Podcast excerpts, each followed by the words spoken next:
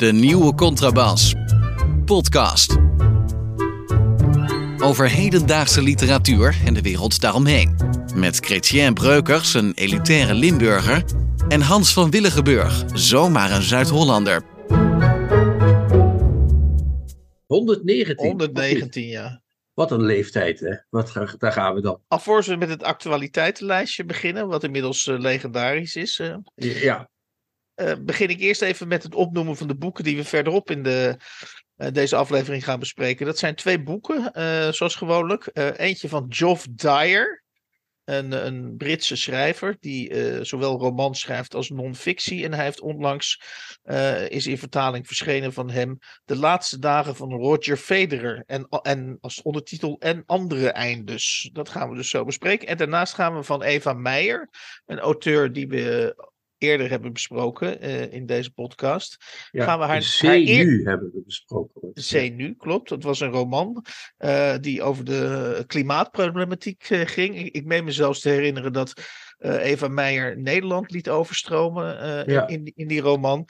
Ja, helemaal. Nu, gaat ze, nu, heeft ze, nu is ze gedebuteerd als dichter met ehm, Het Witste Woord. En dat was een clubkeuze van, eh, van het poëzietijdschrift A-Water. Maar goed, daar komen we zo wel op terug. We gaan eerst even naar de literaire actualiteit. En, en we kunnen natuurlijk niet missen of we kunnen niet voorbij gaan aan het feit dat er een, eh, vanuit het niets, wat mij betreft, ik zag het niet aankomen. Ik, eh, ik, heb, ik heb geen knipperlichten zien, zien branden, maar opeens was daar een bericht over een nieuwe poëzieprijs, de Johan Polak Poëzieprijs.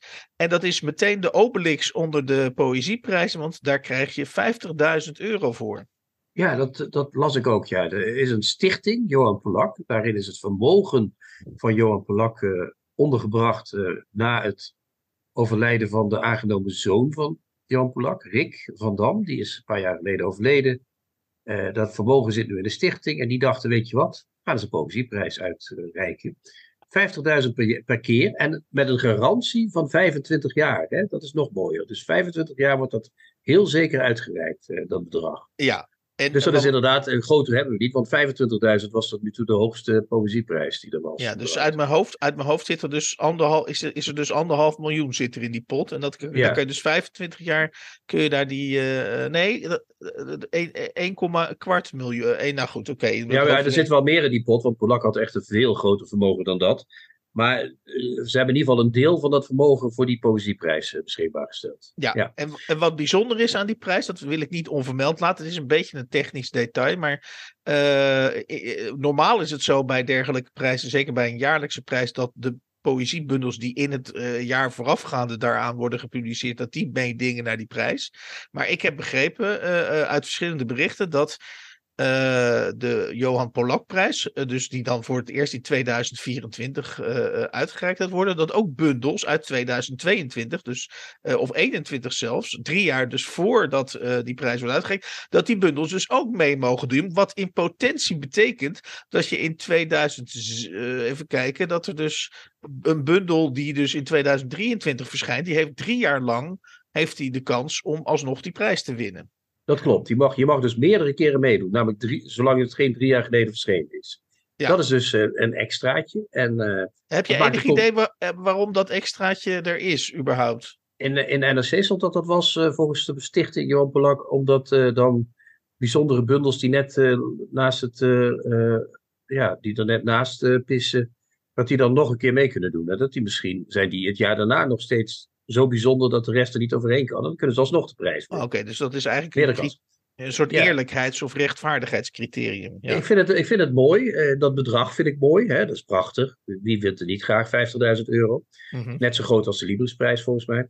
Ehm, maar er zit natuurlijk ook weer een gevaar aan ons. Hè. We moeten toch we moeten kritisch blijven. Dat is onze taak. Ehm, Ja. Ik zag al dat voor die stichting was professor Dr. Wiljan van den Akker gevraagd. Een van die meest sinistere Nederlandici die in Nederland ooit eh, eh, rondgelopen heeft. Eh, een netwerker puur zang. Dus je weet alweer uit welke hoek de wind gaat, gaat waaien. Ja. Dat wordt weer allemaal vriendjes van vriendjes van vriendjes die in juries komen te zitten. En dus Het kan ook een prijs worden die ieder jaar weer bewijst wie bevriend is met wie. Dat, we, we weten het dus niet. Ja, maar heb jij, als, als, als, dan ben ik even kritisch over jouw kritiek, maar hoe, heb jij een manier om dat, om dat, om dat te voorkomen? Want het klinkt bijna alsof je een Eskimo moet invliegen, die eerst het Nederlands moet leren beheersen en dan heb je misschien een wat, wat minder grote kans op vriendjespolitiek. Ja, ja, ja, dat is moeilijk. Ik geef toe dat ik daar ook niet goed een oplossing op weet, maar het is wel opvallend hoe vaak dezelfde mensen in de jury's opduiken. En dan zeggen ze altijd, in Nederland is er zo weinig uh, jurymateriaal. Maar als je elk jaar Jeroen Dera of uh, uh, William van der Akker in een prijzenjury hebt, dan houden die toch ook die andere mensen tegen, zou je zeggen. Dus het is niet zo dat. Je zou wat meer kunnen wisselen in juryleden. En dus ook eens een keer ophouden met mensen van buiten. Ik bedoel, boekhandelaren, televisiesterren, die, die hoeven niet in jury's te zitten. Laat het maar gewoon doen door mensen in het vak zelf. Die kunnen daar prima mee uh, aan de gang. Uh, dus we zijn. Uh, ik, maar het bedrag is leuk. Ja. ja. ik concludeer, we zijn blij met het, met het ontstaan, als ik het zo mag zeggen, van die prijs. Maar er, er hangt een, wat jou betreft, en ook daar sluit ik me bij aan, wel weer een maar aan vast. Maar, ja, die donkere wolk hangt boven de hele poëzie natuurlijk. Want dat is zo'n kleine wereld, zoals wij allebei nog weten, Hans. Ja. Toen we er rondliepen. Dat het is, als iemand een zuchtje laat, dan is meteen, dan weet iedereen het. Eh, het, het is niet een wereld waar eh, men ontspannen met elkaar omgaat. Dat is nee, en toch ben ik in puur sociologisch opzicht ben ik er wel, vind ik dat dus wel interessant. En daar, dat is een van de redenen waarom ik inderdaad eh, nu op dit moment, maar goed, dit is even een korte terzijde, actief ben in de, Frans, in de stichting Frans Vogel Poëzieprijs. En dan om, om, gewoon eens even sociologisch te ondervinden wat het betekent om in zo'n stichting te zitten en hoe zeg maar de omgeving. In dit geval is dat de stadsomgeving van Rotterdam. Want uh, Frans Vogel was een Rotterdamse dichter. Inderdaad, ik kan, ik kan inderdaad bevestigen dat welke naam je ook noemt, of welke, wat er ook voorbij komt, zijn er onmiddellijk emoties links en rechts die hoog oplopen. Terwijl ik dan denk, waar gaat het over? Maar goed. Ja, dat is uh, zo. Maar dit, dit, dit, nieuws komt trouwens ook, dat is waar wat je zegt, altijd zal er gekankerd worden als de namen worden genoemd.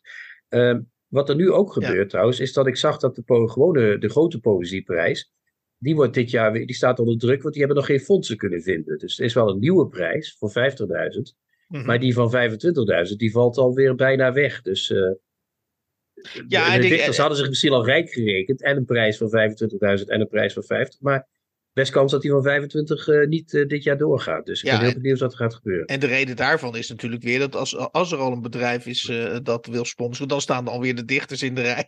Die zeggen ja, maar Om het geld terug te geven. Ja, ja want dat is dan geen goede, dat is dan geen kosher bedrijf op een of andere manier. Dus nee, dat, misschien moeten we daar, misschien daarom des te blijer zijn dat Johan Polak in ieder geval geen, geen bedrijf, laat staan een milieubedervend bedrijf achter zich Ja, maar Johan Polak was wel een man van Israëlitische afkomst. Dus wie weet, als, als we zo binnenkort een, een, een, iemand die met de Palestijnen sympathiseert, die wil die prijs weer niet natuurlijk. En, dan, oh, zo wordt het. het oh, wordt, we worden ach, een, rel, een rel is altijd te vinden. Dat is zo. Dat is oh, altijd, we worden helemaal naar beneden gezogen. Nou, ik, uh, ja. ik, ik, ga even snel. Heb je nog iets opbeurends, Hans? Ja, ja nou, wel, iets ja. opbeurends weet ik eigenlijk niet. Ik, ik heb in ieder geval, dat wilde ik even genoteerd hebben. Uh, we hebben het vorige week gehad over het feit dat uh, uitgevers be bezuinigen op de papiersoort. Dus dat zelfs nieuwe boeken in feite er al uitzien alsof ze al half bij de slecht uh, liggen. En Ivo Kievenaar, een, uh, een kleine uitgever in Nederland, van uitgeverij Kievenaar, die ja, zei inderdaad, ja. die, die bevestigde dat nog eens, want die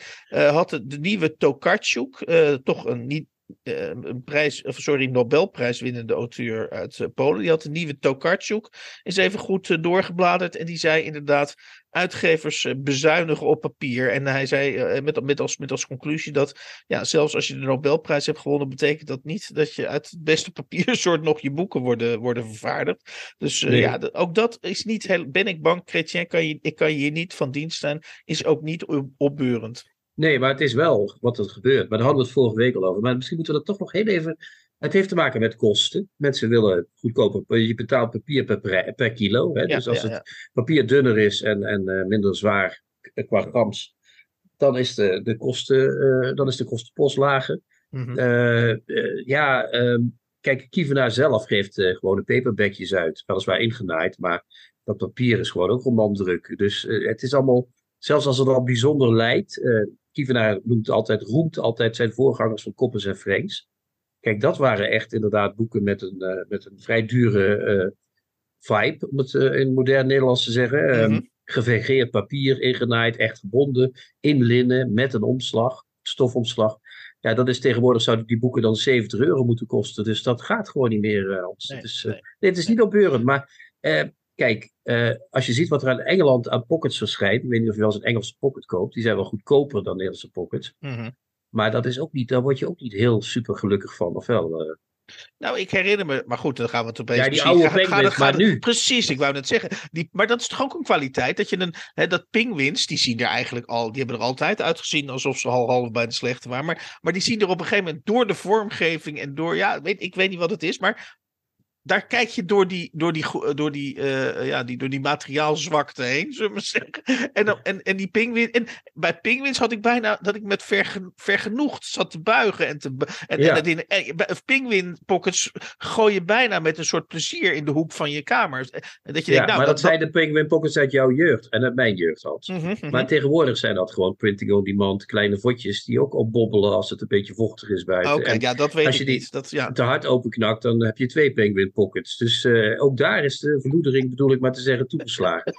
Eh, ja, we moeten meer boeken kopen, Hans. Als we meer boeken kopen, worden de boeken mooier. Dat is gewoon de ja, ja, de- eh, zoals die gaat. Maar. Ik stel vast dat wij natuurlijk ook, zelfs bij deze podcast, een steeds groter percentage van de, van de boeken die wij bespreken ook digitaal laten versturen. Dus ja, maar anders moet je die allemaal in je huis zetten, Hans. En dan is er geen plek meer voor andere nou, daar kom ik zo nog even misschien op terug. Eh, ook niet opbeurend, of misschien juist wel, nee, ik denk niet opbeurend, maar de, de- het overlijden van de dichter Hans ten Tijen. En Ja, ja, daar heb ik ook over nagedacht. En ik heb nagedacht, wat zou ik over hem moeten zeggen? ja, ik, ik en toen heb kwam ik uit bij helemaal Ja? niets. Oh, helemaal niet? Ik weet niets van hem. Ik weet niet veel van hem. Jij wel? Nou, nou ik, ik, ik las. oh, eh, de, grap was, ik las in verschillende. eh, Dat, en dat, dat is een kwaliteit. Of tenminste, ja, dat vind ik heel knap. Van, dat je als, als dichter. Want hij, hij, er werd in verschillende keren gewacht gemaakt van het feit dat hij niet goed verkocht. Hè, dus, Ja. dus met andere woorden. Als, je dat, als dat al in die necrologie staat, dan kan je bijna zeker zijn dat het in tientallen ging en niet in honderdtallen, bij wijze van spreken. Ehm, maar wat ik wel eh, in, in, ehm, in de Volkskrant stond de volgende zinsnede. En ja, die wil ik toch. eh, en die is notabene opgeschreven door Geert-Jan de Vught, eh, vriend van de show. Ja, En- dat die hopen we tenminste, ja. Dat, Ja, ja, we zullen zien. wel. Ja. Deze zal Ja. toch wel. En die schreef in die necrologie de volgende zin. En die vond ik echt zo geweldig. In negen, eh, eh, eh, even voor de duidelijkheid. Hans ten Tij is geboren in 1944, is 78 geworden. En is dus dit jaar eh, zojuist overleden in 2023. En dan schrijft Geert-Jan de Vught in de Volkskrant. In 1985 stopte hij met lesgeven en wijde hij zich helemaal aan de literatuur. ja, prachtig. Hè? En dat is dus Dus sinds Vijf- 1985. 38 jaar al heeft hij dat gedaan.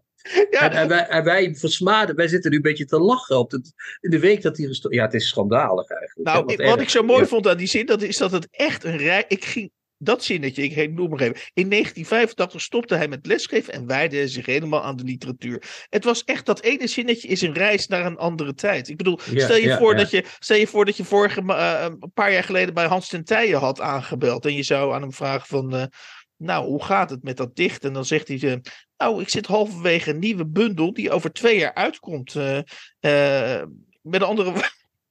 Ja, ik weet het niet. Het heeft iets. Ja, het heeft iets ouderwets ook, hè. Het is, kijk, die te Gussenklo heeft nog het geluk gehad, waar we vorige week over hadden, dat, dat hij op het laatst wat succes had met wat prijzen en zo. Maar die Tentije heeft natuurlijk, die begon met een bundel, geloof ik, waar hij een prijs voor kreeg. Daarna heeft hij als een soort eh, Orson Welles doorgedicht. Eh, alsmaar, minder, eh, alsmaar meer de marge insukkelende. En Ja. die heeft natuurlijk, op zijn manier heeft hij heel serieus gewerkt. Dus dat is, dat, daar doe ik niks aan af. En, en ik, Nee. ik lees het wel eens. En ik, ik vind het echt Hollandse poëzie. Maar dat bedoel ik helaas niet heel aardig in dit eh, verband. Ja. Ehm, het is zijn van die uitgestreken landschappen die je voor, eh, voor je krijgt. En, en die man heeft dus al die jaren serieus. En er wa- was een hele kleine groep liefhebbers die dat allemaal fantastisch vond. Maar dat Mhm. heeft juist dat ouderwetsige van die. Ik, ik moet meteen aan Tom van Deel denken of aan Ad Zuiderend, weet je wel. Aan Ja, die generatie, die, die, die, die weggeraakte generatie, die, waarvan je denkt, wat, wat- wat hebben die, waarom? Martin Rijns, dat soort types, daar moet ik meteen Nou, aan dat- denken. ja, oké, oké. Dan vind ik Dat Martin Rijns- zuinige, dat Hollandse, dat, dat, dat Calvinistische, dat verschrikkelijke ge, gemeut en gemuts over een paar woorden, weet je. Het is echt verschrikkelijk. Ja. Maar ik gun hem natuurlijk niet dat hij doodgaat als tijd. Dat Nee, dat, dat is niet. En, maar eh, eh, eh, ik heb het even opgerekend. Eh, hij heeft dus eh, per drie à vijf jaar heeft hij dus een nieuwe bundel geproduceerd. Ja, het is toch nog een flink rijtje, want ik heb ze ooit gehad. Allemaal, Mhm. eh, lang geleden. En eh, toen was ik nog eh, ja, fanatiek met de poëzie. Ik heb zo in één keer aan iemand cadeau proberen te doen. En zelfs die wilden ze niet hebben. Dus toen heb ik ze in een kastje gezet. En ik heb niet gekeken of ze ooit weg zijn gegaan, maar ze hebben, ik heb ze in zo'n bibliotheekkastje gezet. Ja, maar ik vind het ook zo mooi dat je in 1985, nu, zou, nu zou dat waarschijnlijk als een soort potsierlijk. Stel je voor dat je nu naar het hoofd van de school zou gaan en dat je zou zeggen: van nou, het is mooi geweest, ik ga me vanaf nu ga ik me wijden aan de poëzie. Ik denk dat dat, ik denk dat, dat zou nu als een potsierlijk gebaar. Uh, toen was dat waarschijnlijk, nou, nee, uh, ja, we wachten af, wachten af op de PCO-prijs tot die komt. ja. Ja, ja. dus ja, dat is nee, echt een, een fascinerende reis het was achter, Hij was hoe oud geworden, zei je? 78. 78. Dus, achter, dus hij was 40 toen hij uh, met pensioen ging, zal ik maar zeggen. Althans, uit de maatschappij met pensioen ging. En toen uh, uh, dacht van, weet je wat, ik ga dat oeuvre scheppen. Ja, ik vind wel dat ik petje af voor, voor de inzet, kan niet anders zeggen. Maar, ja. ja. Nog, nog, ik, uh, ik, ik, ja. Mij valt niks te binnen verder van hem. Jij wel? Heb jij nog iets waarvan je zegt? Nou, nou ik, heb wel, ik heb een, een, een gedicht van heb hem gelezen. Gedicht? Ah, mooi, ja. Ja, en het ging over een. Dat vond ik een heel mooi gedicht. Sprak me heel erg aan. Ik dacht, oh, dat, dat, uh, dat is voor Hans ten Tijen. Want die zag ik vroeger inderdaad altijd in de revisor staan. Volgens mij uh, kwam, dat, kwam die poëzie meestal in de revisor terecht. En dan vond ik het altijd doodsaai. Dus, dus, dus dat kan ik me baanzetten. Maar dit, dit gedicht ging over een, een, een, vervallen tennisbaan. In het, in een, volgens mij in een duinlandschap. En dat vond ik eigenlijk wel heel, een heel mooi gedicht. Maar je hebt het niet bij de hand natuurlijk. Of nee, wel? dat heb ik niet bij de hand. Nee, nee, nee. Ja, maar heb je het al. Ja. Uh, dus het was een heel mooi, mooi gedicht, wat mij betreft, over die tennisbaan in, in de natuur. Uh, hij, hij, ik, ik, kan nog wel één, dat vond ik heel mooi. Hij houdt dus dat, dat, open, dat materiaal waarvan een tennisbaan is gemaakt, dat splijt op een gegeven moment, als, als je er niks meer aan doet, splijt open.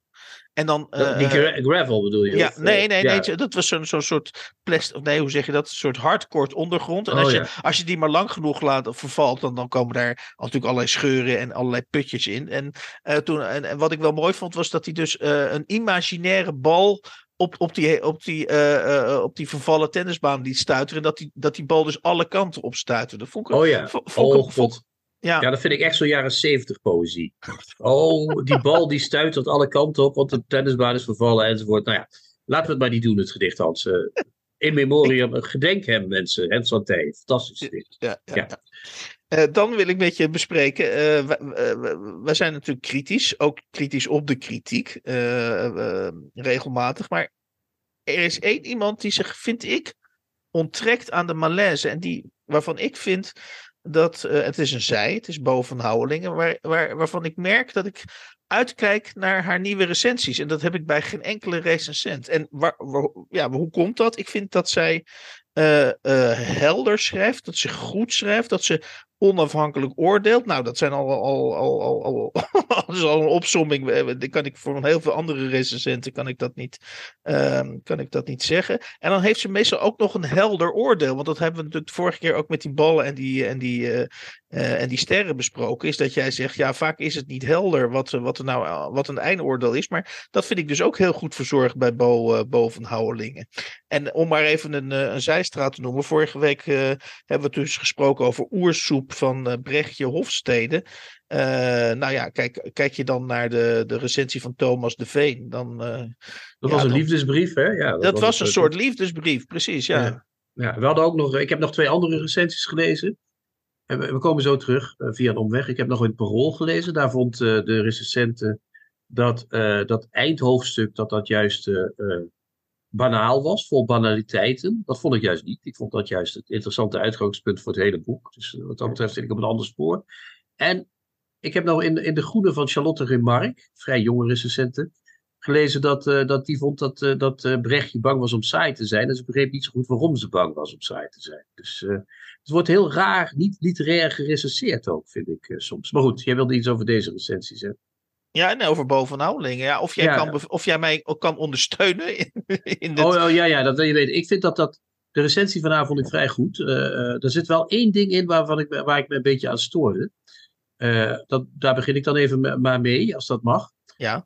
dat is dat ze zegt over die bevalling. Hè? Dat begint het hele boek mee, met, dat, met die bevalling. Ja. En dan heeft ze het over dat proza, dat daar zo probeert met die pijn samen te vallen. En dan zegt Van Houwelingen Ondertussen lukt het maar niet te vergeten dat de schrijfster op het moment van schrijven de pijn al lang achter de rug had. De halve afgekapte zinnetjes zonder interpunctie. Alsof ze zo crepeert dat ze geen volzinnen meer kan maken. Toen gekunsteld aan. We weten dat je toen gewoon achter je laptop zat, Hofstede. Kijk, dan denk ik, ja, dus iedereen die niet een potloodje meeneemt als die pijn heeft en dat dan ter plekke opschrijft, is uh, gekunsteld. Ja, dan kun je alle literatuur weggooien. Dat vond ik wel jammer aan deze recensie, als ik heel uh, eerlijk moet zijn. Uh, maar verder is het een hele goede recensie. En uh, ja, zij vindt het een. Uh, in die recensie, als ik het goed gelezen heb, want dat heb je mij gevraagd. Uh, zij vindt het niet overtuigend. Hè? Zij vindt dat ze nog te veel vastzit in haar oersoep om een antwoord te, te, te, formuleren. Daar kan ik me deels in vinden, omdat dat wat ik zei dus, als we dat nog weten van vorige week. Ik vond dat laatste hoofdstuk, waarin ze dus begint af te vragen: wil ze eigenlijk, wat wil ze eigenlijk? Hè? Dat is wat ze in dat laatste hoofdstuk wil. dat is eigenlijk het begin. En daarop is, zijn al die andere hoofdstukken een antwoord.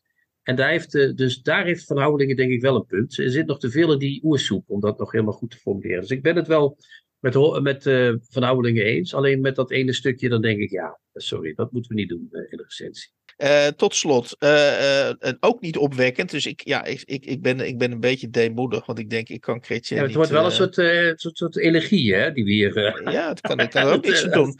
Eh, eh, er is namelijk nog iemand overleden, vrij recent, of misschien oh. zelfs deze week. Namelijk uh, die Nobelprijswinnaar Louise Gluck. Oh ja, die van die uh, poëzie ook. Ja, die heeft dus uh, ook de Nobelprijs gewonnen voor haar werk van de literatuur. En toen heeft Rob Schouten.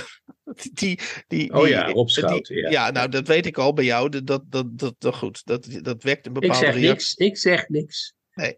En die schreef over de poëzie van Louise Gluck. En ik ik, zal ik, oh, dat is ook altijd de vraag bij zomergasten. Zullen we, het, zullen we gaan kijken? Of wil je er eerst nog iets bij zeggen? Wil je er eerst nog iets over nou, vertellen? lees, lees eerst maar eens voor en dan gaan we kijken of. Uh, Oké, okay, nou, Rob uh, Schouten probeert dus het werk van Louise Gluck te typeren. En hij doet dat als volgt: Poëzie heeft voor Gluck zo te zien niet te ontwortelen. Dus zo te zien. Hè? Dus hij kijkt er eens naar en hij zegt dan: Poëzie heeft voor Gluck zo te zien niet te ontwortelen, maar wil ons attenderen op de schoonheid en de narigheid om ons heen en die aanvaardbaar maken.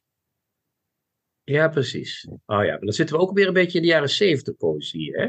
Nou, ja, in, de, nou zitten we eigenlijk meer bij Kopland, bij de troost, bij het lege plekje om te blijven, bij de plek onder de appelboom, waar, waar dan de metafysische dichter zit te neuzelen van, uh, oh mensen, wat is het allemaal fijn, en we moeten blij zijn met elkaar. Dat is, daar heeft die poëzie van Gluck trouwens ook een flinke waai van. Hè? Dat is zo. Ja, maar ik, ik, ik, dacht toen ik dus dit las, dacht ik van, uh, uh, maar dacht, ben ik nou streng voor mezelf? Of zou ik mezelf, ik, ik zou dit dus niet durven inleveren, zo'n zin. Nee, maar dat is de vraag bij meer stukken van Rob Schouten natuurlijk, van waarom levert die man dat allemaal in? Uh, en dat is sowieso, kijk, je kunt die man een heel oeuvre geven en er komt een heel raar stukje uit. Het is gewoon zo, dat is echt, dat zeg ik niet om weer opnieuw maar jij begint erover, dus ja, dan moet ik antwoord geven. Die man heeft geen idee wat hij gelezen heeft meestal. Uh, hij geeft of uh, recensies van mensen die hij goed kent, dan is hij vriendelijk.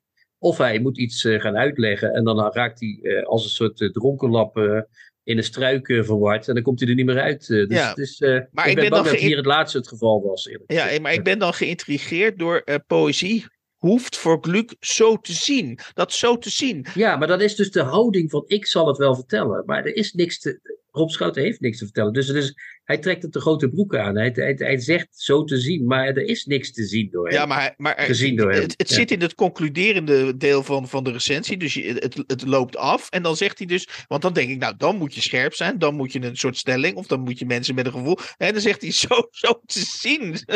Ja, je kunt natuurlijk ook, hij, hij kan het zelf verkopen als ik, ik ben. Ik, ik weet het ook niet, mensen. Ik ben een beetje uh, onzeker nog steeds uh, door die politiek kant. ja, ik dat weet is sympathiek. Ik weet het ook niet. Uh, het is een. Het is een, ja, die man, ja, was het in de trouw of was het ergens anders waar hij dit schreef? Volgens mij was het in de trouw, ja. Ja, ja, ja arme, arme mensen bij de trouw. Ja, maar goed, we zullen zien. Tips van de week. Boeken, artikelen of pamfletten die boven het maaiveld uitsteken. We hebben bij de kladden een. Bij de kladden, ja. We hebben bij de kladden een particuliere, of misschien zelfs een particuliere Brit. Uh, luisterend naar de naam Geoff Dyer, geboren in 1958.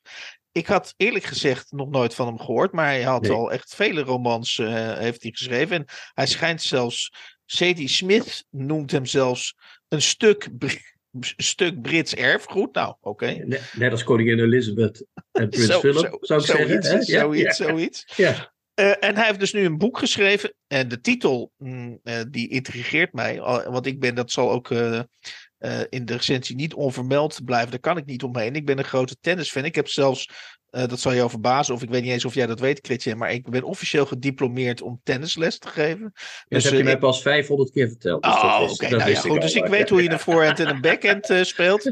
Ja. En het boek heet dus De Laatste Dagen van Roger Federer. En, en, en in het klein staat er dan onder.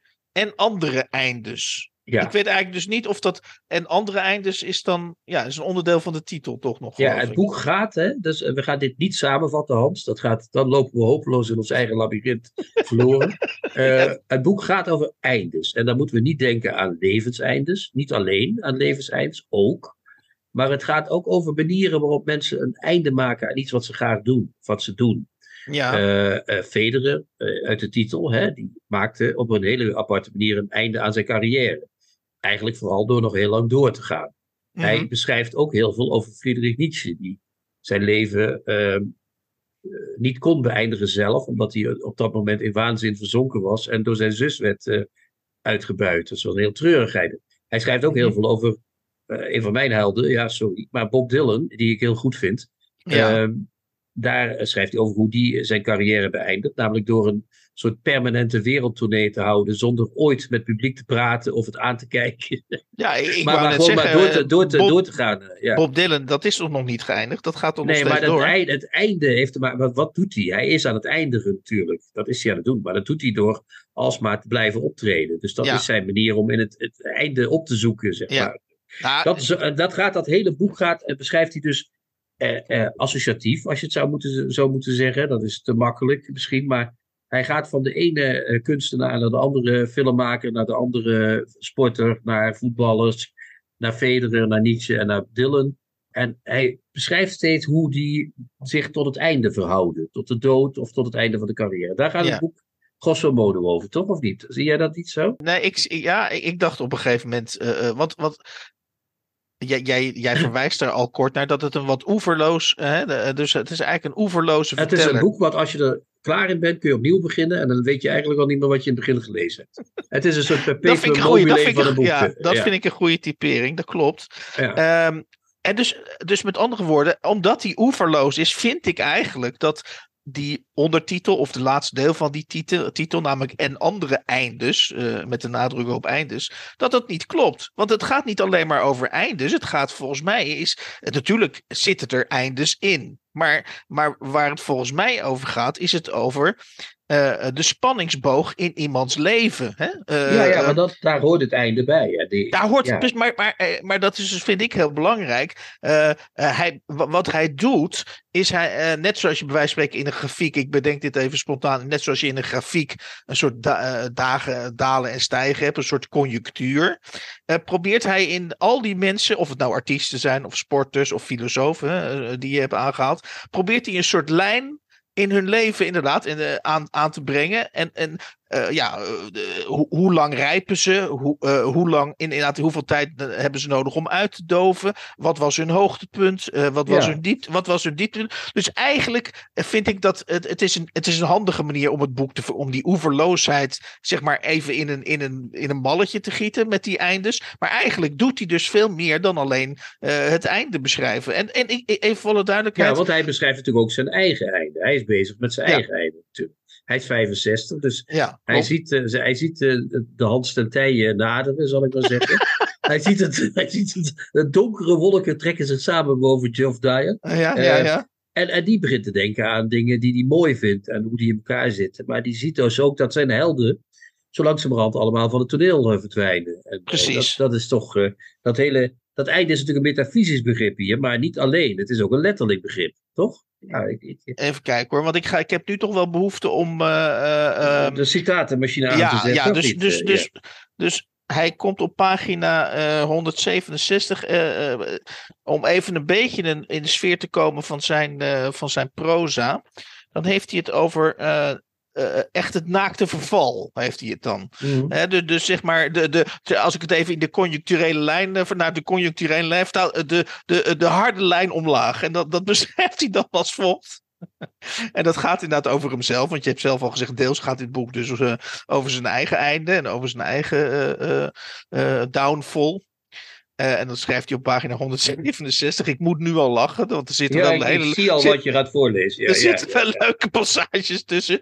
Hij, zegt, hij zegt dan: Je hoeft maar één keer viespeuk genoemd te worden. En je gaat je voortaan als een viespeuk gedragen. Je moet dus goed uitkijken. Maar daar zit hem de kneep. Een intermezzo van zelfreflectie, ben ik een viespeuk? Vraagteken, volstaat om een schaduw van viezigheid te werpen over alles wat je doet en zegt. Daar sta je dan, ochtends, charmant en grappig. Zelfs niet flirterig met de aantrekkelijke vrouw van vooraan in de dertig die je een brood verkoopt in de bakkerij. En smiddags ben je al een viespeuk. Waarom? Waarom? Door die lichte aarzeling, die ik was toch geen viespeukbezorgdheid, die je voelde op weg naar huis. Met je nog warme baguette onder de armen geklemd. Bezorgdheid over het vermijden van viespeukerigheid kan een viespeuk van je maken. Hoe gebeurt dat? Zoals met alles, het bekruipt je. Ja. ja, dat is een schitterend stukje. Want, en vooral die warme baguette onder die arm. Die maakt het helemaal uh, ranzig. Vind je niet? Die ja, is al een ja, beetje zeker. nat, nat, aan het worden in het zakje. Het is echt een vieze man die daar loopt uh, met iets, uh, iets onder zijn arm. Nou, ja. dat, is dus, dat is een heel mooie lijn in het, in het, in het boek. die, die, die, die, ja, die, die, hij over zichzelf schrijft. Ik vind, jij bent de tennisleraar, maar ik vind zijn stukken over Roger Federer ook heel goed.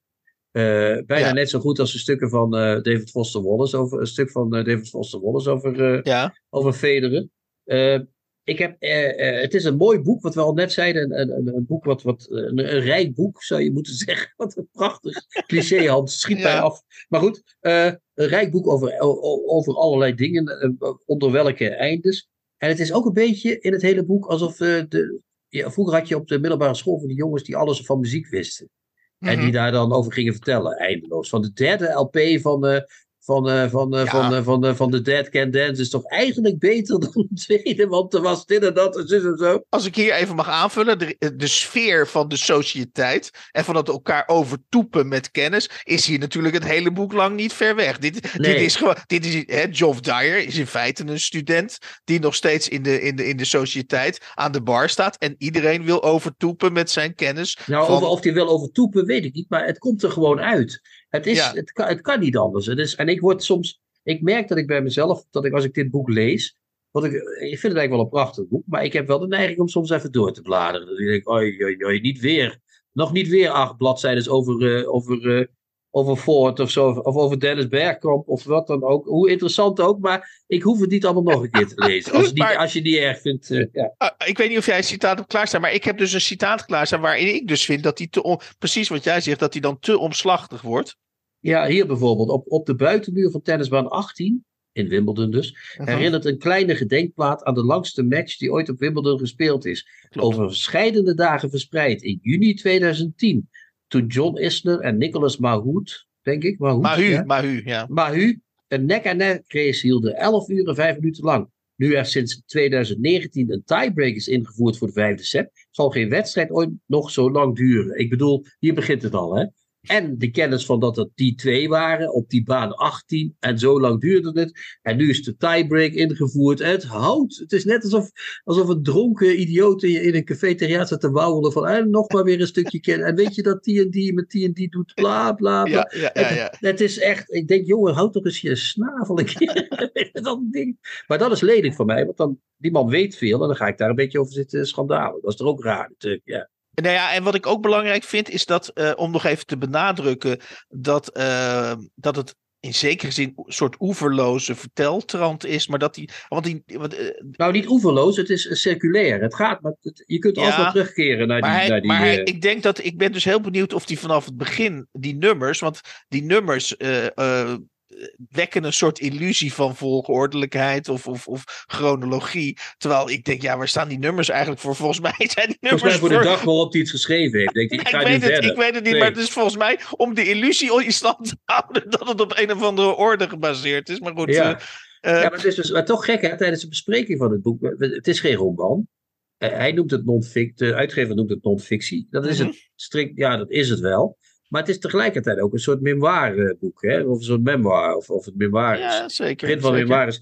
En wat is het eigenlijk voor boek? Dat heb ik eigenlijk ook niet helemaal eh, kunnen ontdekken eh, tijdens het Nee, lezen. het Jij valt, wel? niet, het valt niet onder essayistiek, wat mij betreft. Ja. En het, het valt niet onder. Nee, waar valt het onder dit? Ja, het is een soort omgevallen kast met eh, kennis. Het is een beetje als die boekenkast die achter jou staat, als die omvalt, Hans. Dan, eh, Ja. dan hebben we de poppen aan het dansen, zeg maar. Ja, maar eh, ja. Eh, het is ik- hier ook, hij zegt ook aan het eind van het boek, dat vind ik wel mooi gezegd. Ik heb mijn boek af, schreef ik aan een vriend. Nu, na zes maanden zo goed als niks doen, vraag ik me af of ik het niet verkeerd heb. Heeft het boek mij af? Dat is, hij Ja. zit in het boek en het is blijkbaar af, maar hij weet niet zeker. Dus die thema's, eh, hij zegt dan ook, je hoort vaak zeggen dat schrijvers maar één of twee thema's hebben waar ze altijd op terugvallen. Mm. Waar ze nieuwe behandelwijzen voor vinden en nieuwe fictieve situaties waarin die thema's kunnen worden geëxploreerd. Mijn thema is zonder twijfel opgeven. Dat is wat me gaande heeft gehouden. En zo, een beetje in de stijl van Nietzsche, kom ik in de verleiding om door mijn vorige boeken heen te gaan en alle passages te verzamelen die gaan over opstappen, over stoppen, opgeven, put raken, er een punt achter zetten. en dat, dus hij begint alweer over een nieuw boek na te denken op basis van zijn eigen boeken. Dus het is een soort boeken genererende machine geworden. Als hij een boek maakt, komt er weer een extra boek uit. Het is, dat vind ik wel komisch, moet ik Ja, eerlijk zeggen. ja en, en, en, en ik, nou, nou heb ik zeg maar die, die ondertitel en andere eindes, of een- de laatste deel van de titel, heb ik dus een beetje afgevallen. Want ik zei, en daar blijf ik ook achter staan, dat het over veel meer gaat. Het gaat dus eigenlijk over. Ja, maar je moet het metafysisch zien, Hans. Over- het gaat dus meer over- einde, ja. Ja, maar het gaat dus meer over de levenslijnen van Nietzsche en, en, en Federer, et cetera, et cetera, dan puur over die eindes. Maar dan komt hij op een gegeven moment bij Johnny Cash. En dat wil ik de lezer niet, Ja, of dat, wil mooi. ik, ja. dat wil ik de lu- luisteraar niet onthouden. Want de, de, het einde van Johnny Cash was natuurlijk ook niet zomaar een einde. En dat beschrijft hij dan op pagina 231 als volgt. Als, John, als Johnny Cash iets langer had geleefd, dan had hij Hotel, Hotel California wel kunnen coveren. Of om het omvangrijke domein van de Amerikaanse liederenschat nog eh, uit, uit te breiden, Wonderwall. En dat zou dan een duobaan met Rod Stewart in Las Vegas hebben opgeleverd. In zekere zin. Ja, dat een, Ja, ja, ja. duobaan, Met, een duobaan met Rod Stewart. Ja, dat. dat eh, dat, dat, dat, dat, dat had ik wel willen zien. Johnny Cash met eh, Rod Stewart. Dat zou ik ja, zeggen. Maar hij heeft een geestige. Ja, ja dat, is, dat is zijn Britse humor, denk ik. Dat Hotel California laten spelen door Johnny Cash. Ik weet niet waarom, maar dat is het iets heel. Dat is een heel akelig vooruitzicht. op andere manier. Ja, dat- ja. Maar goed, Goed. het is dus een mooi boek, een apart boek. eh, het is een irritant mannetje soms, hè? dat kunnen we ook wel Ja, zeggen. en als, en als, ik dan, als ik dan puur naar het. eh, Hè, want ik heb al gezegd, ik ben dus. Ik vind mezelf. eh, zo eerlijk moet ik zijn. Ik vind mezelf op tennisgebied een, een deskundige. En hij beschrijft dus ook die legendarische. rivaliteit tussen Federer en Nadal. Omdat Nadal ja, dat, natuurlijk. dat eind- doet hij wel mooi, hè? Ja, dat Nee, dat vind ik dus niet. Dat, daar Nee? zit nog, maar maar, maar Oh, omdat, om- omdat Nadal natuurlijk een, een, niet, een niet onaanzienlijke rol gespeeld heeft in, in het einde van, eh, van Roger Federer. En je merkt natuurlijk aan alles, eh, de, eh, dat zegt hij niet met zoveel woorden, maar zijn sympathie ligt natuurlijk volledig bij, bij Roger Federer. Federer. Ja, ja, En, en, en, en het is in dat verband ook heel interessant en, en, en niet origineel, maar wel interessant dat hij Nadal vergelijkt eigenlijk met een bokser. Hè? Dus hij noemt dan op een gegeven moment Mike Tyson. En ik vind inderdaad dat, dat Nadal als tennisser eigenlijk het boksen in het tennissen heeft de, geïntroduceerd. Maar een ander aspect, heel klein aspect, ik zal er niet te lang over uitweiden, want het blijft een literaire podcast. Is nou, dat dit is ook literatuur, Hans. Ja, eh, oké, ja. nou is ga, dat... door, ga dat- door, ik hang. Omdat, ik voelde me ineens Matthijs van Nieuwkerk. Ik hang aan je lippen, Hans. Oké, nou, eh, voor, voor, ik, ik denk dat, tenminste, dat weet ik niet. Als je tennisliefhebber eh, bent, dan heb je gezien dat elke partij tussen Federer en Nadal uiteindelijk ging om het ritme van die wedstrijd. En wat er was één centraal gegeven. Roger Federer stuitert drie keer en wil eh, eh, doorspelen, omdat hij in een flow wil raken. En Nadal doet vervolgens alles eraan om eh, het tempo uit die wedstrijden te halen. Dus zo lang mogelijk rond te lopen, zo lang mogelijk aan zijn broekje te zitten. en, en, en, en vervolgens dus eh Federer uit zijn ritme te halen. En nou ja, goed. De, even voor de duidelijkheid. Dat gegeven dat Nadal altijd heeft pogen te vertragen ten opzichte van Federer, dat is geen nieuw gegeven. Dus ook hier geldt weer dat Geoff Dyer brengt dat in als een soort heel specialistische kennis die alleen Geoff Dyer heeft. Maar dat is natuurlijk. Hij maakt, Nee, het, allemaal, hij maakt het allemaal nog wel weer wat interessanter. En eh, hij doet Kijk, net maar alsof. bij mij werkt dat, want ik weet weinig van tennis. Dus bij, bij mij Ja. komt, hij, komt hij eraan. Dan Ja, denk ik, ja, oh, dat weet dat- hij toch maar. Ja. Maar wat mooi, hij is dus, dus Federer is meer een soort schrijver met een, eh met een schwung.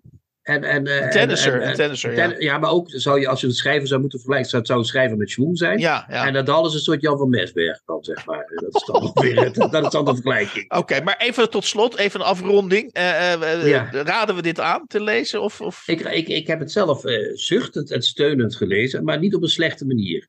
Soms had ik dus echt last van die man. Dat ik dacht, jongen, jongen, daar gaat hij weer. Maar je moet het lezen en je moet het niet lezen in één keer. Je moet gewoon even een tijdje... Je moet af en toe eens in bladeren en denken, oh ja, heeft hij het weer. Okay. En je, ik, vind, ik heb er weinig over gezegd, maar de Bob Dylan stukken vind ik toch wel heel goed, moet ik eerlijk zeggen. Die vind ik echt heel bijzonder, ja. Dus uh, met, met jouw aantekening dat je het in stukjes moet consumeren, sluit ik me daarbij aan. Kleine hapjes, ja, zeker. Uh, kleine hapjes hebben we hier ja. ook uh, in het volgende boek, Hans.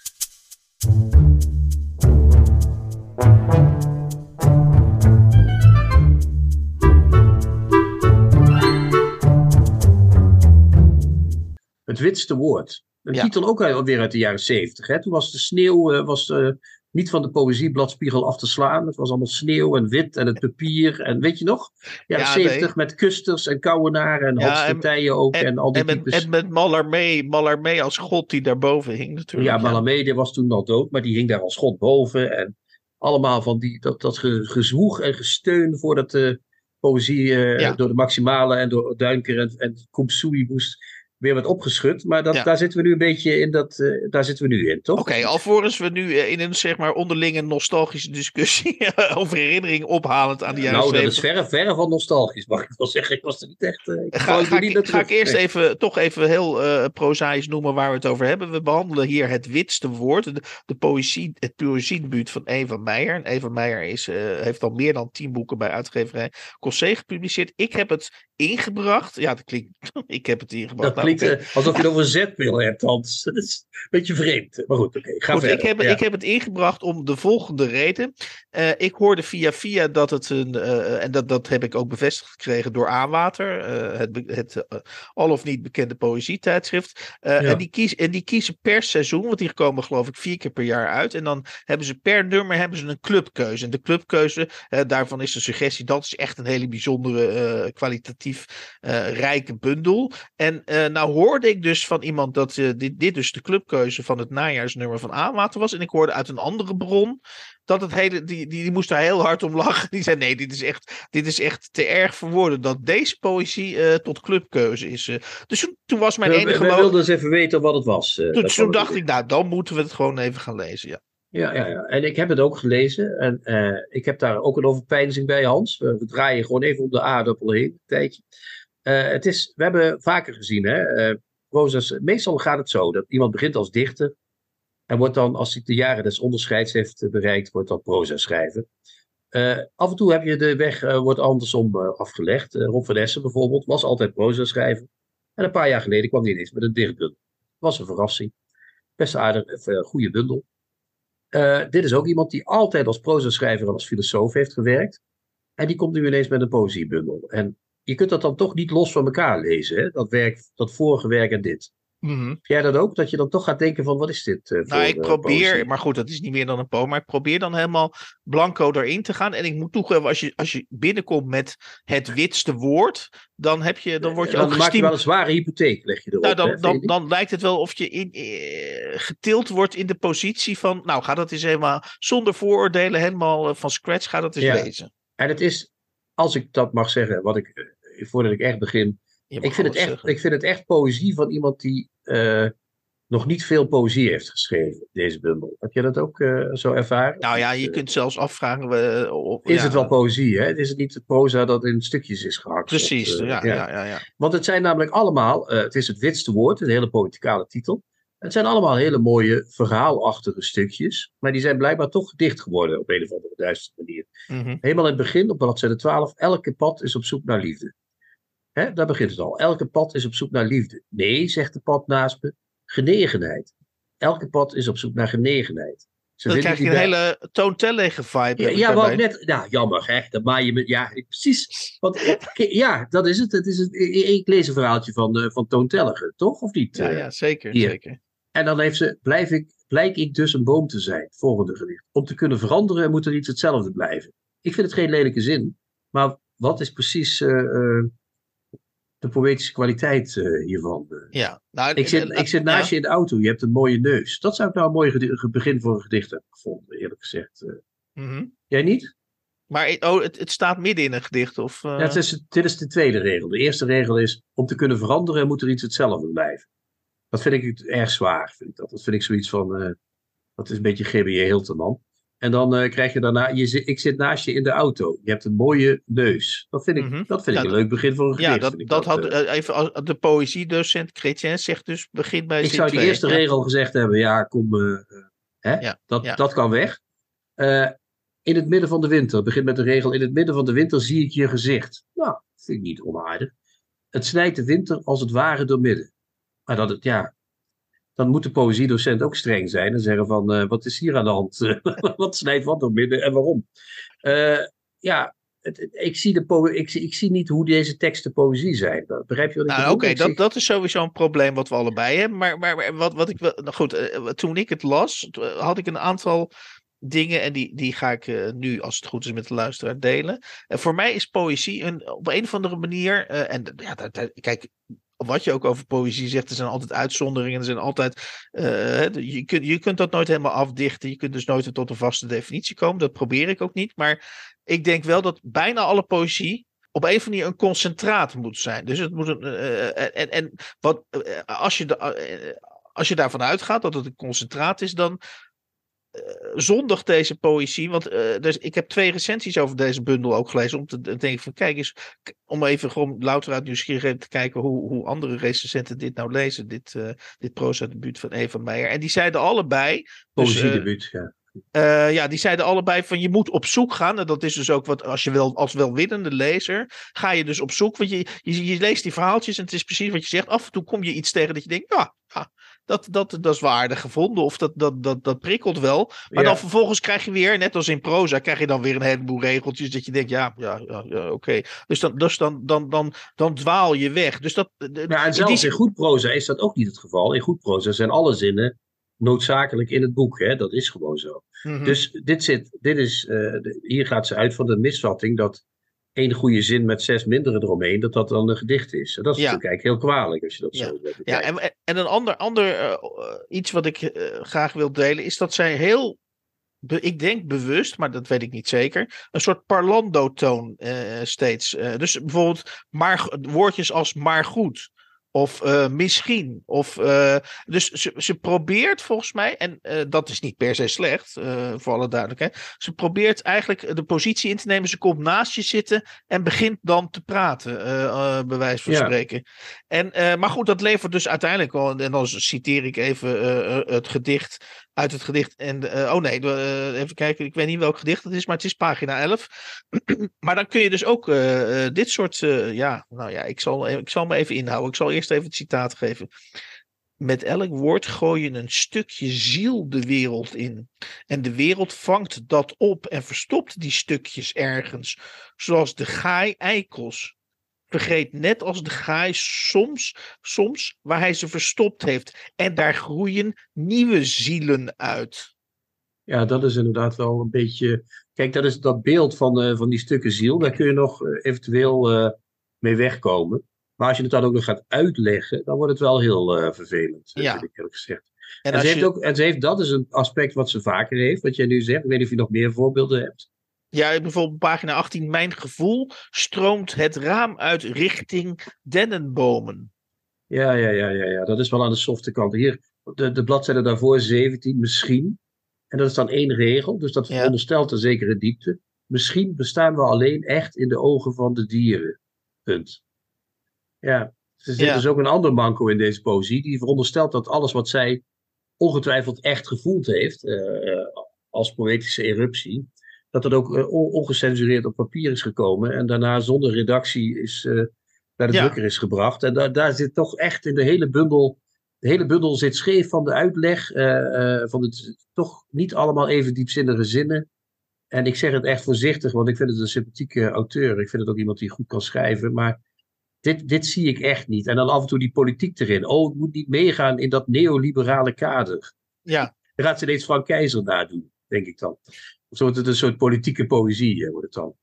En, en, en ja, het, we zijn nu pas op bladzijde 22. Hè? Dus ik, je schrijft dat je mijn huis weer niet kon vinden. Dat vind ik mooi.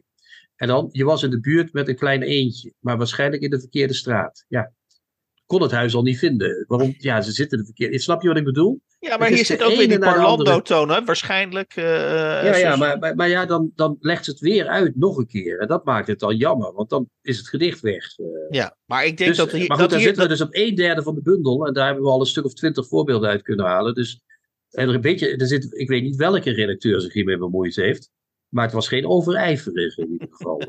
nou ja, ik, ik denk dat, hier, dat zich hier wreekt. Volgens mij is ze afgestudeerd filosoof. Dus, dus ja, zij, zij is gewend waarschijnlijk om, om gedachten om te keren, om ons ondersteboven te houden. Ja, en, zeker. En, en, maar daar schrijft ze dan vaak essays over. En die doet ze, dat doet ze dan uh, uh, ja, vrij goed. En, en, en ja, dit, dit, dit, dit is duidelijk haar hoe noem je dat, haar genre niet. Uh, nee, dat, dat, zou je kunnen zeggen. Kijk, ik, ik heb dan op, uh, in het gedicht blijk ik dus een boom te zijn. Ik zie soms af en toe ook opflakkerende pogingen tot humor. Blijk ik dus een boom te zijn. Daar, daar zit iets grappigs in. Of daar, ja, ja, ja, een, een, poging tot grap. En dan in dat gedicht lees je het volgende. En let even op de laatste zin. Die is dan volgens mij ook grappig bedoeld. Maar waarvan ik denk, ja, hoe grappig is het nou echt? Ik ben blij dat we in de toekomst zijn aangekomen en niet meer hoeven te lijden. Hoewel er in de toekomst misschien ook lijden is zal je altijd zien dat juist dat hetzelfde is gebleven. Ja, ja, ja, dat is inderdaad. Uh, dan, dan, heb je bijna de neiging om amen te zeggen, toch? Of niet? Uh, ja, ja, ik, ik moet nog even. We zullen het laten. We zullen als later. We zullen naar het slot gaan. Ik ben bang dat de vraag of we deze bundel aanraden te beantwoorden is. nou ja, ik kan hem wel beantwoorden, maar ik heb er niet echt veel fiducie in dat ik dit ooit nog opsla. Uh, ik ga even het laatste gedicht zoeken. Momentje hoor. Eén vraag nog. Blijf je bij me? Niet voor altijd, maar voor nu. Dat oneindige moment dat zich door de eeuwigheid scheermest en klapwiekt en ons allebei herbergt, zonder dat we daar ooit maar iets voor hebben hoeven doen. Nou, is dat, ja, dat is nog redelijk acceptabel. Ja, er wordt door ijzeren handen met ons geschaakt. Ja, het denken is de grensmuur die verder uitzit belemmerd. Ja, de geesten hangen nog altijd twijfelend rond op zolders. Ja, het licht wordt weer kaart sneeuw die ooit zal smelten. Nou ja, ik ben het alweer kwijt. Jij niet? Mm, ja. Het is jammer, hè? Mooi begin en dan weer uh, in laten zakken, die handel. Hier is mijn stem. Geef mij die van jou. Zo eindigt ze de bundel. Ja. is een beetje, geef mij je, nu je hoop. Ik geef je er, wat is het? Geef mij nu je angst. Ik geef je er hoop voor terug. Maar om maar met André Hazes te vergelijken, dat gaat te ver natuurlijk. Dus ik zou zeggen, laten we deze poging met de mantel der liefde bedekken, Hans. Ik, ik vond, er zitten een aantal korte gedichten in. Die de, want de meeste gedichten die zijn één of anderhalve pagina. Dus dan, dan, dan moet je ook inderdaad gaan zoeken. Hè? Dus als je een welwillende lezer bent, tenminste, moet je op zoek gaan naar zinnetjes die wel leuk, uh, inspirerend en, en prikkelend zijn. En, uh, maar het heeft ook een heel aantal uh, hele korte gedichten. En daar vind ik dan, dan denk ik, nou, die had je wel wat, wat meer tussen mogen doen. Ik citeer het gedicht Twee Woorden. Trek nu je kleren maar uit, dan kruipen we in de holte tussen twee woorden. Maakt mij niet uit welke of jij moet een voorkeur hebben. Zeg het maar, mij maakt het niet uit, ik zeg ze. Tommy. Chrétien reageert op de nieuwste schrijfsels van succesauteur Tommy Wieringa. We gaan iets doen wat we een tijdje niet hebben gedaan. Of in ieder geval met korte tussenposes. Soms weer wel. Maar nu komen we dan eh, met, met trompetgeschal uh, nog weer helemaal terug. En niet alleen jij, Chrétien, ik heb dit keer ook uh, iets over Tommy Wieringa, want daar gaat het over. We hebben dus jarenlang of een tijd lang uh, de rubriek De Tommy gemaakt. En die gaan we dus nu. Nieuw leven inblazen. Nieuw leven ja. inblazen. En wat voor leven? Mag ik nou, ja. de, de, de, kijk, jij wordt ineens een Tommy. De, aan, de, aan, de, de, aan, de aanleiding om het, om het nu weer in volle glorie over Tommy te hebben, is dat Tommy uh, ik weet niet hoe lang zo'n uitzending van Eus Boekenclub uh, duurt. Half uurtje, half uurtje. Half, half uurtje, oké. Okay. Ik, dacht ja. 40, ik dacht 40 minuten. Maar, ook, ja, ja. Voelde als uh, 20. Ja. Maar, maar het was in ieder geval zo dat Tommy Wieringa gedurende de 40 minuten lang langs een boekenkraampje ging. hij, hij, hij zat aan een bar met Eus. vervolgens ging die, was natuurlijk het bekende leespanel. Twee mensen die zijn laatste boek Nirvana hadden gelezen. Met, met onder wie Jannie van de Heel Holland Bakt lieve mensen. Exact, ja. exact. De bekende literaire criticus Jannie. Ja, ja maar ze was ho, ho, ho, alvorens we haar nu weer tekort doen. Ze was Nederlands. Er werd uitdrukkelijk vermeld dat ze Neerlandica uh, was. Uh, dat wist ik niet. Was, van, blijkbaar kun je dat ook. Ja. Nou, daar hadden we niet veel van gemerkt, Hans, van dat Neerlandicus zijn. Maar goed, we gaan het even. Laten we eerst even de zaak vanaf het begin van Akiet, van Akiet, ja. Hij, hij was bij Tommy. Uh, bij, Tommy was bij uh, Eus. Dat is al een confrontatie waar ik persoonlijk duizelig van geluk van word. Uh, dat je zeg maar de twee ego's die op elkaar botsen. Het is net alsof je een Bentley op een, op een wat noemen ze een mooie, op een oude Mercedes laat botsen. En dan, dan krijg je zoiets. -huh. Eus was blij dat hij Tommy had. Hè, dat kon je wel merken. Hij kroop in Tommy, echt helemaal. Hij was echt hij glibberde en hij globberde eromheen. Dat was echt fantastisch. Maar ik moet zeggen, Tommy was ook behoorlijk blij om bij Eus te zijn, had ik het idee, of niet? Tommy was ontspannen hè, voor zijn doen. Vond je niet? Ja, hij was ook Hij had iets aardigs zelfs. Ja, ja een soort aardigheid over Nou, iets, iets onterecht zou ik bijna zeggen. Ja. ja. misschien is er toch iets met hem gebeurd. Of hij is in Deventer natuurlijk heel erg thuis. Hè? Dat kan ook zijn wat meespeelde. Want hij begon meteen, want je weet, hè, dat hebben we vorige week geleerd, vorige aflevering van Tommy geleerd. Mhm. Alles bij Tommy draait om Tommy. Dus hij kwam in het gebouw van het Burger uh, Weeshuis, is dat geloof ik? Of hoe heet ja, dat? Ja, nee, of bouwkunde, hoe heet dat daar? Is nee, het Burger Weeshuis, ja. Ja, in dat gebouw daar was, vroeger waren er blijkbaar optredens geweest. Dus Tommy zei, ja, ik ben hier vroeger vaak geweest, want die waren optredens. Dus ja, het was een poptempel. Toen was het een poptempel, ja. Ik, ik, ken deze, ik ken deze locatie, daar begon het al mee. Ten tweede had Tommy, en dat maakte hem misschien ook ontspannen, weet ik niet, zijn vader meegenomen. Die zat in de zaal. Die werd zelfs nog even aan het woord gelaten. Vond ik heel schattig. Ja. Zijn vader deed zijn pet niet af binnen. Vond ik heel raar. Denk ik. Dat is, dat is heel, in mijn gezin werd dat als onbeleefd gezien. Maar goed, de vader van Tommy staat daar blijkbaar boven. Die werd nog even aan het woord gelaten. Ook echt aangekondigd als de vader van Tommy. Dat wordt een soort familieshow bij Eus, denk ik, op de duur. En uh, dat was al heel schattig. En Tommy was buiten. En ik moet zeggen, ik heb vaak iets over Tommy te zeiken. Maar er was deze keer een verzamelaar. Nou ja, verzamelaars kun je dat niet doen. Maar er was een man die uh, was een soort zelfverklaard boekenambassadeur op een lagere school. En die had zelf uh, dyslexie, dus die kon niet goed lezen. Ja, hij was conciërge, was die. Ja, hij is daar conciërge. Maar omdat hij zelf had leren lezen via kinderboeken, gaf hij nu de kinderen op die school advies over, uh, over de boeken die ze konden lezen. Vond ik ja, heel schattig, die man. En het gekke is, Eus weet dat niet zo heel goed aan te pakken. Maar Tommy begon die man vragen te stellen als een soort volleerde bijna als een soort, ja, hoe moet je, als Fred Oster vroeger met, met de twee marmotjes, hè, met, met uh, Ruud Gullit en André van Duin. Zo stond Tommy daarbij. En die gaf die man, die stelde die man helemaal op zijn gemak. Het was echt, ik vond dat hij echt, ik, ik, ik, ik, dikke plus voor Tommy hoe die met die man omging. Was echt Ja, fantastisch. Ja, ja. Dat moet ik zeggen. Maar goed, Ja, er ik sluit me dadelijk daar volledig bij. Ja. Dus, dus ik dacht, wat is er met Tommy gebeurd? Het lijkt wel een mens, weet je wel. Het is een soort gewoon mens, eh, hebben we daar in. in. Nee, maar gelukkig kwam er toen, Hans, kwam het boekenclub eh, gedoe. Waarbij ik trouwens nog wil aantekenen dat Lakshmi verdwenen is. En dat vind ik niet leuk van deze serie van de Heus Boekenclub. Maar goed, dat was de muziek eh, tussendoor. Mhm. Ehm, toen kwam de boekenclub, of hoe heet dat, de boekenvereniging, of hoe heet dat? De leesclub kwam toen, eh, ja. Eh, en toen ging Tommy zitten om zich te laten bedruipen door twee personen. Door Jannie dus, van, eh, van Ja, maar- eh, dat is het, even duidelijk, dat is het format, hè? Dat kun je hem niet kwalijk Ja, weet ik, maar, dat, Ja. maar dat, het gaat nu over Tommy in verhouding tot het, eh, tot het eh, leesclub gebeuren. Eh, en, met, en die andere heette Sef, dat was een, een, rapper of zoiets. eh, zo, Ja, zoiets. zoiets, zoiets. Ja, en die hadden het gelezen en er komt natuurlijk niks uit, meestal. Hè, dat blijft altijd een beetje eh, onzin. Maar elk compliment, dat, toen kwam Tommy toch weer in zijn oude rol. Elk compliment wat hem gewerd, daar, daar raakte hij echt van in een soort psychose van geluk. Eh, Dat was echt Ja, hij fantastisch. zei dat de ik mensen ben, dat, eh, enorm dat blij, zei. ik ben enorm blij dat je, die, dat, je dat eruit Ja, hebt gehaald. Ja, dus hij was zo, een, is, een kwetsbaar ja. stukje uit mijn boek gehaald heb. Weet je wel? Hij, hij maakt zo'n macho boek, maar iemand haalt er een kwetsbaar stukje uit en dan is hij toch blij. En hij liet ook steeds merken dat hij al die complimentjes echt, ja, hij genoot met volle teugen. En toen begon hij, en dat was mooi. Hij zei, ik ben een angstig mens, zei hij op een gegeven moment. Dat vond ik ook een, een menselijk trekje van Tom. We hebben allemaal wel eens angsten. Ook Tommy, blijkbaar. Eh, maar toen begon hij ineens een verhaal van toen ik hier naartoe kwam lopen. Blijkbaar was hij met de auto gekomen. Ja. Op de parkeerplaats was er een man op een, op een wandelstok, had daar gelopen. En die had tegen hem gezegd, zonder aanleiding, ik hou niet van lezen. Die had gemopperd van, ik hou niet van lezen. Ik lees nooit. Behalve Arendsoog of zoiets wat hij er zegt. Ja. En Tommy was daarvan geschrokken een beetje. En dat vond ik ook eh, sympathiek op een of andere manier. Je zou zeggen, Ja. Tommy die, die iemand tegenkomt die zegt, ik hou niet van lezen. Nou, wat doet Tommy dan? Die veegt die man opzij. En die scheidt verder, zou je zeggen. Hè? Eh, of Moody's zou gezegd hebben, u leest niet behalve mijn boeken. Dat zou Moody's gezegd hebben. Mhm. Maar, maar, maar Tommy was er toch een beetje... Ik, ik kreeg de indruk dat hij lichtelijk aangedaan was. Jij niet?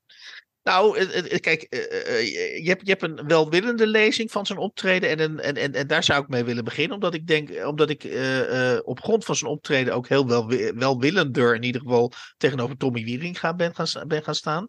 En die welwillende lezing is dat, hij, dat er een, een, een parallel zit tussen dat laatste boek van hem, Nirvana. Wat in, in feite, dat herhaalde hij ook even tussen neus en lippen door, gaat over een uitdovend vuur. En, en een vuur is inmiddels de, hè, de, het, het, hoe zeg je dat, de, het, aans, het aansteken van, van de klimaatcatastrofe. Hè? Dus dat vuur, het, vuur, moet, het, vuur moet, het vuur moet gedoofd worden. En het leek wel alsof dit uh, niet gespeeld, het leek, hè, dat zeg ik erbij, het leek niet gespeeld, maar alsof inderdaad uh, het vuur van Tommy's ego inderdaad door het schrijven van dit boek een beetje tot bedaren was gekomen, dat vuur. En, en, en, en, en, uh, en daarmee, hij, hij zei nog net niet, hiermee ben ik een. Hoewel daar suggereerde hij ook, dat, dat, daar speelde hij ook een beetje op ik ben aan het uitdoven. Dat vuur in mij eh, is aan het uitdoven. En laat dat een voorbeeld zijn. Want ja, het, de, de beleren. Voor de mensheid natuurlijk, ja. Precies, dat hij eigenlijk tegen, uh, tegen, volgens mij ook tegen in ieder geval de, de, de mannen, uh, de Nederlandse man, maar misschien ook wel de, de, de, Europese, misschien wel alle mannen ter wereld zei. Doe als Tommy en, en, en laat het vuur in jezelf uitdoven.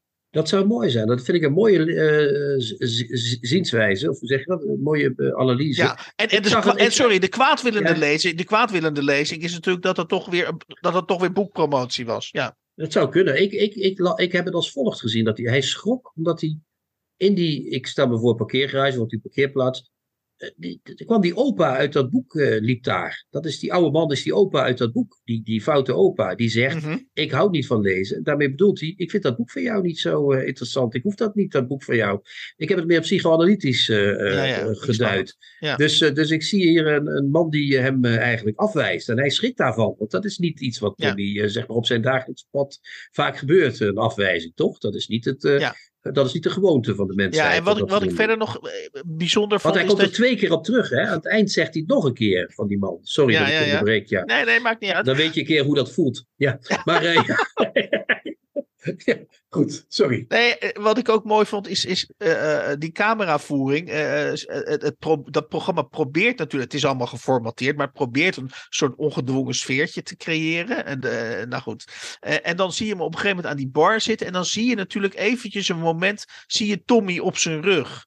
Uh, uh, dus dan zie je niet, nou ja, dus dan zie je Tommy op zijn rug. En toen moest ik echt denken, zeker ook omdat het een wat donkere omgeving was. En er zaten vooral ook jonge mensen in de zaal. Ik dacht, jeetje, het lijkt net alsof het een soort, het is een soort jongere werker. Iemand die tussen de mensen gaat zitten met zijn spijkerbroek. En die zegt, nou, Tommy is een en al oor. Gaan jullie eens nou eens vertellen wat jullie deze week allemaal hebben bezig, bezig gehouden?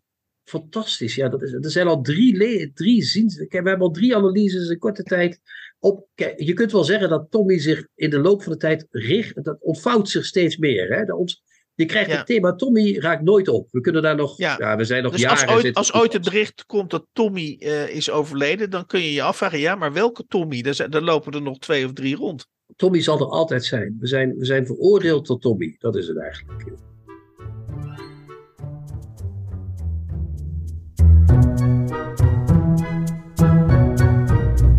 De nieuwe Contrabas. Podcast. In gezwinde spoed gaan we even reanimeren. ik wou zeggen reanimeren, maar even uh, recapituleren is dat uh, wat we besproken hebben. Uh, we hebben besproken van Geoff Dyer de laatste dagen van Roger Federer en andere eindes. dat is uitgegeven door Sara uitgeverij. Uitgeverij Sara, volgens mij zit dat in Antwerpen. Ja, dat is uh, onderdeel van de standaard uitgeverij. Ja, en dat is vertaald door... Uh, Ivo dat... Verheilen. Verheijen, sorry. Verheijen, Ivo, oh sorry. Ivo Verheijen.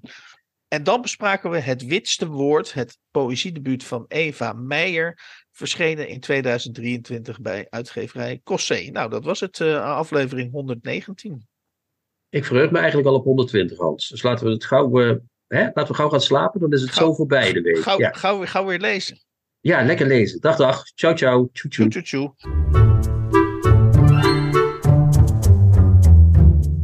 De nieuwe Contrabas podcast wordt gemaakt door Chrétien Breukers, Hans van Willigenburg en Erik Lindenburg. Kijk jij ook elke week uit naar de nieuwe Contrabas podcast? Voeg dan de daad bij het woord en word officieel supporter. Dat kan al vanaf 1 euro per week, oftewel 52 euro per jaar. Draag je ons een heel warm hart toe, dan kun je ook Golden Supporter worden voor 104 euro en Platinum Supporter voor 208 euro per jaar. En wat krijg je daarvoor terug? Dan luister je met nog meer plezier naar ons uitgesproken geluid wekelijks over literatuur. En wat je ook geeft, ga naar gofundme.denieuwecontrabas.blog. Nog één keer? gofundme.denieuwecontrabas.blog. Hup, hup, hup. Hup.